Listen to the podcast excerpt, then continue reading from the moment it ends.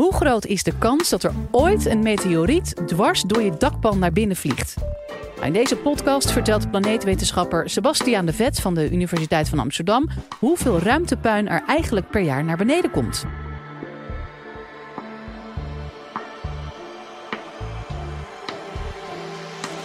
Live vanuit Club Air is dit de Universiteit van Nederland. Onze aarde heeft een probleem. Hij komt aan.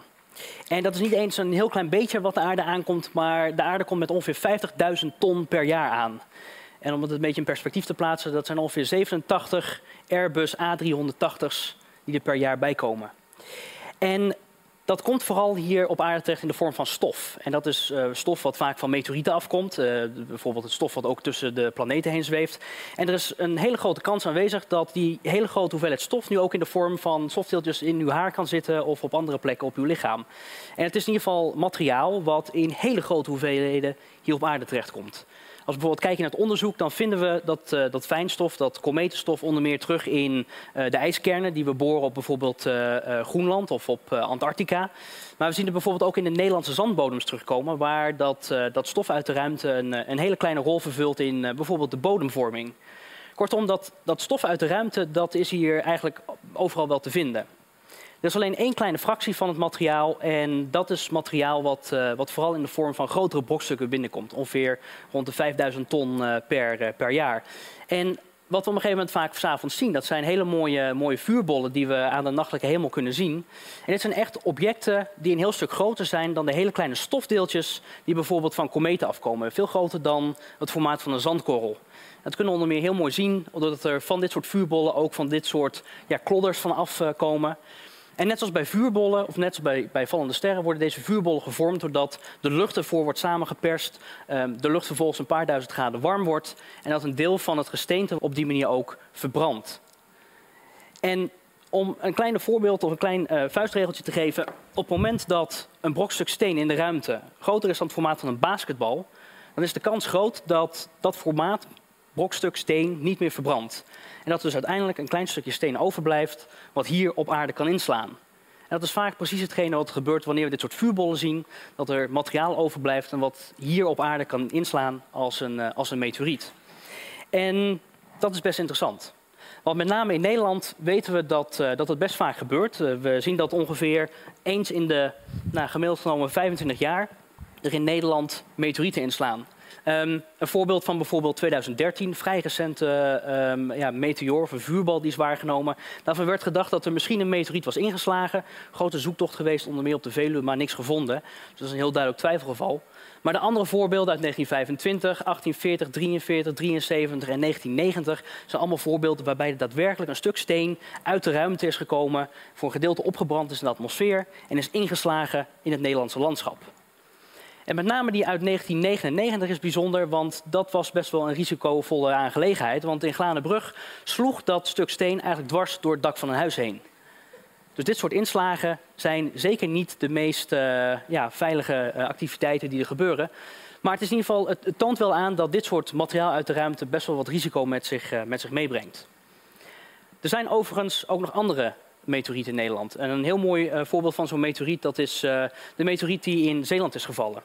En die meteoriet die in Zeeland is gevallen in, uh, op 28 augustus 1925, dat is een heel mooi voorbeeld. Want lange tijd werd gedacht dat, uh, dat van die meteoriet er maar één fragment was overgebleven. Dat is best interessant. Maar wat op een gegeven moment bleek is dat na lange tijd dit stuk steen, deze meteoriet, werd, werd doorgegeven aan de wetenschap. Er werd onderzoek naar gedaan. En uiteindelijk werd in 1927 door de Sterrenwacht, door sterrenkundigen in Utrecht, een artikeltje gepubliceerd in het NRC. Dat ze onderzoek deden naar deze meteoriet. Nou, prompt was er een, een, een, onderwijzer, een hoofddocent van een, van een school in Seroskerken.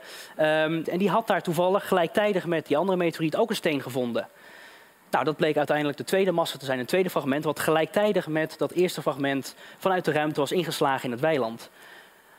Die plekken, die zijn lange tijd eigenlijk onbekend gebleven. Er is wel in krantenartikelen gezegd van oké, dat stuk steen is ingeslagen in het, uh, in het weiland van uh, de boer uh, Reinier Blom. Um, maar ja, dat was het. En zodoende ben ik op een gegeven moment de archieven van Zeeland ingedoken... om daar uit de archieven achter te, te achterhalen waar nou dat weiland precies lag. En aan de hand van die krantenartikelen waar die onderwijzer vanuit Zeeland weer op reageerde, heb ik op een gegeven moment ook punt nummer 2 kunnen reconstrueren, waar uiteindelijk dat tweede fragment is gevallen. En dat is iets wat ja, tot 90 jaar na de inslag niet echt duidelijk is geweest. Maar deze meteoriet is ook uh, interessant om een andere reden. Als we bijvoorbeeld kijken naar uh, uh, het eerste fragment, de, de dan zien we bijvoorbeeld bij het stuk wat van Artis terug te vinden is, dat daar een hele mooie smeltkorst aan de buitenkant zit. Het is precies het voorbeeld van wat er gebeurt met een stuk steen als die op een gegeven moment verhit. Dat daar een stuk geste gesteente aan de buitenkant wegdampt en uiteindelijk in de vorm van een hele mooie smeltkorst aan de buitenkant overblijft. Een ander voorbeeld van de Elamate-meteoriet, want wat ik al vertelde, er zijn twee van dit soort stukken steen zijn er gevonden. Dat is het eh, fragment wat vandaag de dag nog steeds in Utrecht eh, te zien is. En die kent u misschien eh, van de zomer van 2014, toen die gestolen is en later in heel veel kleine stukjes weer teruggevonden is. Um, dit is de Seroskerken, eigenlijk vernoemd uh, in ere van de plek vlakbij het dorpje Seroskerken waar die gevallen is. En ja, het is natuurlijk zonde dat dit, dat dit soort brokstukken steen in stukken zijn gebroken. Maar tegelijkertijd bieden ze nog steeds wel heel veel mogelijkheden voor de wetenschap. En ik heb bijvoorbeeld een klein buisje zitten. En hierin zit het stof van deze meteoriet. En dit stukje stof, dit buisje met stof, is heel erg waardevol. Want we kunnen dat stof heel makkelijk gebruiken om onderzoek te doen naar de samenstelling. Naar bijvoorbeeld het materiaal waar het uit bestaat. En dit gruis wat we hier vinden, dat is gruis wat, uh, wat bestaat uit uh, de kleinste ja, gesteentesplinters. Dat zijn mineralen. En uh, die mineralen en kristallen die we hierin vinden, die kunnen ons iets vertellen over waar dit materiaal vandaan komt. Kijk, een van de bijzondere dingen van gesteente is dat het gevormd wordt vaak vanuit een, uh, vanuit een smelt, dus vanuit vloeibaar gesteente. Aan de hand van een heel simpel proefje wat u ook thuis kan doen, uh, kan u eigenlijk heel goed begrijpen hoe uh, kristallen vormen. Uh, daarvoor heeft u gewoon iets simpels nodig als, als water en onder meer een goede dosis suiker. U kan vaak wel het dubbele van de hoeveelheid water oplossen in suiker. U zal versteld staan hoeveel suiker er in water kan oplossen. En als u dat doet en u gebruikt daar een brandertje en een, um, en een driepoot voor. en u laat dat uitkristalliseren over een aantal dagen tijd en het is goed, goed gemengd. Dan krijgt u een heel mooi mengsel waar langzaamaan vanuit die vloeistof kristallen ontstaan. Nou, het effect van kristalgroei vanuit een vloeistof, dat is precies hetgene wat er eigenlijk gebeurt wanneer we bijvoorbeeld kijken naar vloeibaar gesteente, uh, wat we bijvoorbeeld in een dwergplaneet of in een planetoïde hebben. Daar is het gesteente oorspronkelijk vloeibaar. Daar kan je eigenlijk nog niet in herkennen dat daar daadwerkelijk iets, uh, iets aan, in aan het groeien is. En zodra dat vloeibare gesteente begint af te koelen, dan komen daar op een gegeven moment kleine kristalletjes in naar voren. En de manier waarop dat uh, gesteente afkoelt en de, de wijze waarop dat gebeurt, dat kan ons iets vertellen over de plek waar op zo'n dwergplaneet dat stukje steen gevormd is.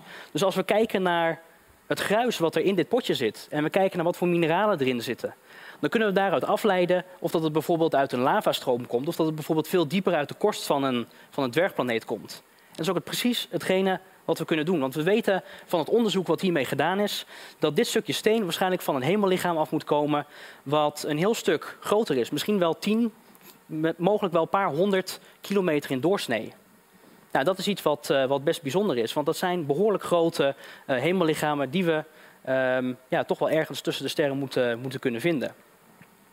Maar we kunnen nog veel verder gaan in het detail, want dat stukje stof wat hierin zit, of die stukjes steen, die kunnen nog verder uitpluizen. We kunnen gaan kijken naar de isotopen, de verschillende va varianten van de atomen die in die, die kleine deeltjes zitten. En daaruit kunnen we afleiden dat die meteoriet die in Zeeland insloeg op 28 augustus 1925, dat die 24 miljoen jaar erover heeft gedaan om van zijn oorspronkelijke hemellichaam helemaal naar de aarde toe te vliegen en uiteindelijk rond uh, nou, ongeveer half, uh, half twaalf lokale tijd op ramkoers te liggen van het weiland van de boer Blom. En dat is nog niet eens het enige. Want we kunnen zelfs uit dat stof afleiden dat dit stuk steen in de ruimte groter was dan 40 centimeter. En dan zitten we dus precies in die, uh, die basketbalregel die ik eerder uitlegde, dat als het object groter is dan een basketbal, dat er wat overblijft. En dat, daar voldoet dus eigenlijk die meteoriet perfect aan. Groter dan een basketbal, 40 centimeter in doorsnee. Dus dan heb je te maken met een, uh, een brokstuk waar, wat niet verdampt, of niet helemaal verdampt, en waar dus ja, wat materiaal van overblijft en wat uiteindelijk kan inslaan. Op zo'n manier bieden die mineralen, bieden die stukjes steen die in die meteoriet zitten, ons de mogelijkheid om te analyseren waar dit, uh, waar dit vandaan komt. Um, en dat is in het geval van dit stuk steen ook een heel bijzonder verhaal. Want we kunnen dankzij de uitvinding van het telescoop heel goed speuren naar allerlei objecten die er in de ruimte zichtbaar zijn. En zo werd in 1807 uh, werd de planetoïde 4 Vesta ontdekt. Dit was een van de grotere planetoïdes in ons zonnestelsel, bijna 525 kilometer in doorsnee. En als we kijken naar het oppervlak, dan zien we hier als het ware in verschillende kleurtinten ook verschillende soorten gesteente aan het oppervlak. En we kunnen ook weer een stap verder gaan, want we kunnen dankzij het licht wat weerkaatst wordt door de planetoïde Vesta meten wat daar de eigenschappen van zijn. Als we weten wat voor kleuren licht er weerkaatst worden, dat noemen we het spectrum, dan kunnen we dat ook weer vergelijken met bijvoorbeeld dat spectrum wat door dit gruis uh, weerkaatst wordt. Dat heb ik ook gedaan. En wat je dus ziet is dat eigenlijk de kleuren licht, het spectrum van dit stof, exact een kopie is van die planetoïde Vesta. Hoe gaaf is dat? Ik, ik weet niet of jullie het net zo, zo uh, uh, warm hiervan worden als ik, maar je bent, we zijn dus in staat om van een heel klein stukje steen, wat in Zeeland geval is in 1925, zijn we in staat om vast te stellen van welke plek in ons zonnestelsel dat stukje steen vandaan kwam. Ja, dat noem ik gaaf.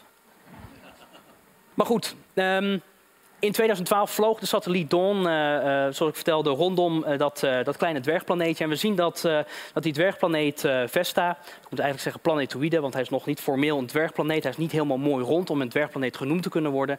Ehm, daar zien we ook heel vaak dat er allerlei bijzondere dingen aan het oppervlak gebeuren. Um, we kunnen wederom, net zoals dat we bij bijvoorbeeld kometen hebben, 3D-prints maken van die planetoïden. Dus we hebben niet alleen de mogelijkheid om een stukje steen in, handen te houden, maar ook een, een, klein printje van, van de komeet of van uh, de planetoïde. Deze komt vers uit de printer van vanochtend. Het uh, duurde iets uh, te, te, lang om een hele planeet te printen. Dat is natuurlijk ook een godgegeven taak om dat helemaal te doen. Maar u zal snappen dat als u hier het volledige model van heeft, dat u gewoon echt een compleet bolletje hebt van deze planetoïden. En het meest recente onderzoek dat laat ook zien dat, dat Vesta ja, veel meer een aardachtig planeetje is dan dat we denken. Um, recente metingen en, en kaarten die gemaakt zijn vanuit Amerika laten zien dat daar in het verleden waarschijnlijk ook wat water over het oppervlak heeft gestroomd.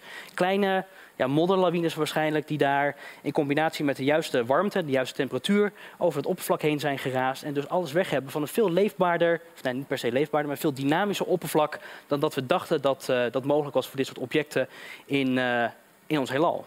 Meteorieten zijn daarom ook heel bijzonder materiaal voor ons als wetenschappers. Want niet alleen zijn we in staat om bijvoorbeeld met satellieten of met telescopen naar objecten in ons heelal te, te speuren, maar omdat we dat, dat stof daadwerkelijk in onze eigen handen kunnen hebben, is het mogelijk om dit materiaal echt aanvullend te gebruiken om te leren begrijpen hoe die planeten gevormd zijn. En juist dit soort dwergplaneetjes zijn heel belangrijk voor de vorming van de veel grotere planeten, zoals bijvoorbeeld de aarde, Mars en bijvoorbeeld uh, uh, Mercurius. En als wetenschapper ben ik daarom ook erg blij met de 50.000 ton aan ruimtepuin die elke, elk jaar hier op aarde gedumpt wordt. Um, omdat het ook een hele goedkope vorm van ruimtevaart is, van ruimteonderzoek. Want ja, je hoeft niet een satelliet ruimte in te sturen. Je kan ook gewoon wachten tot het materiaal naar je toe komt. En je hebt, voor je het weet, prachtig materiaal in handen om daar onderzoek naar te doen. Wil je nou meer afleveringen van de Universiteit van Nederland horen? Check dan de hele playlist en ontdek het antwoord op vele andere vragen.